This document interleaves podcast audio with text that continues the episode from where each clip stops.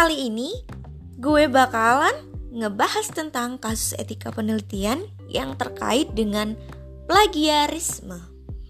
Tapi nih guys, sebelum kita mulai, mending kita kenalan dulu. Oke guys, kenalin nih nama gue Nadia Silvi. Uh, tapi bisa dipanggil sayang loh. Eh.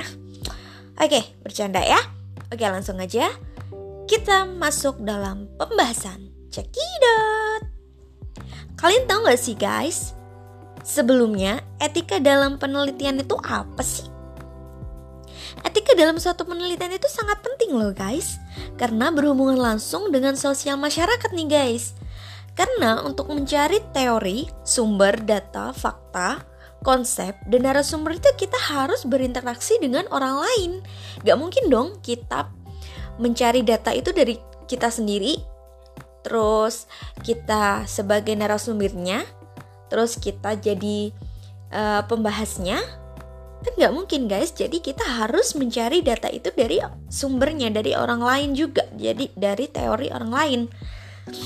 Dalam melakukan suatu penelitian itu, penelitian diharuskan menuliskan fakta secara jujur, berdasarkan keadaan yang sebenarnya dan tidak boleh dikarang nih guys, oke? Tidak boleh dikarang. Ini bukan lagu, ini penelitian loh guys ya. Kalau lagu kita mengarang, kalau penelitian kita nggak boleh mengarang karena kita harus meneliti secara uh, berdasarkan kebenarannya itu. Nih, Makanya itu akhir-akhir ini muncul nih guys masalah plagiarisme. Apa sih plagiarisme? Plagiarisme itu tindakan mengakui atau meniru atau juga mencuri ide dari orang lain.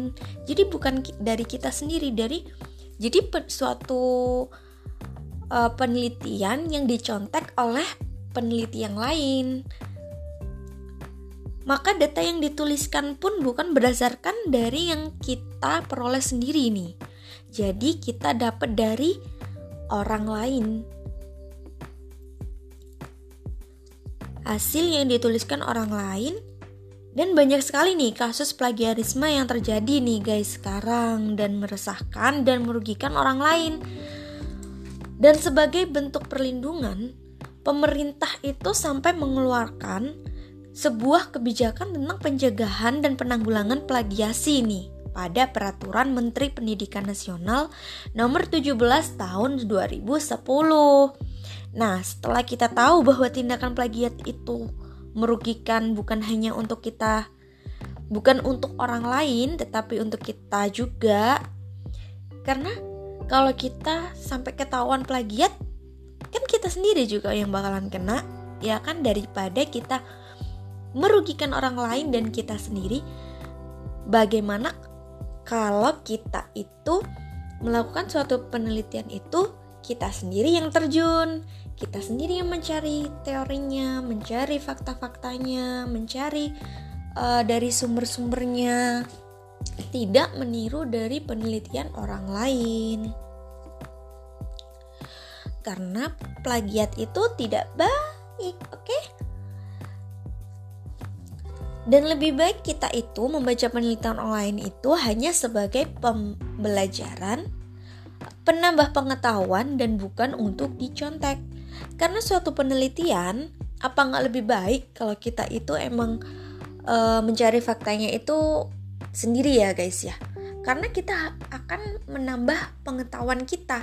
Kalau kita tahu dari penelitian orang lain, gimana kita tahu? Bagaimana kita ngerti, paham dengan apa yang kita teliti, ya kan?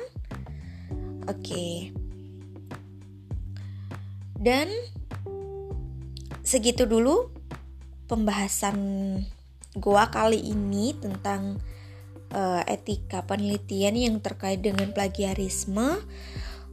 Semoga dengan uh, pembahasan gue tentang plagiarisme kali ini dapat uh, memberi inspirasi, motivasi supaya kita itu tidak melakukan plagiarisme yang akan merugikan orang lain karena kita harus menghargai orang yang melakukan penelitian itu gitu ya guys. Oke, okay, thank you for your attention. Thank you so much.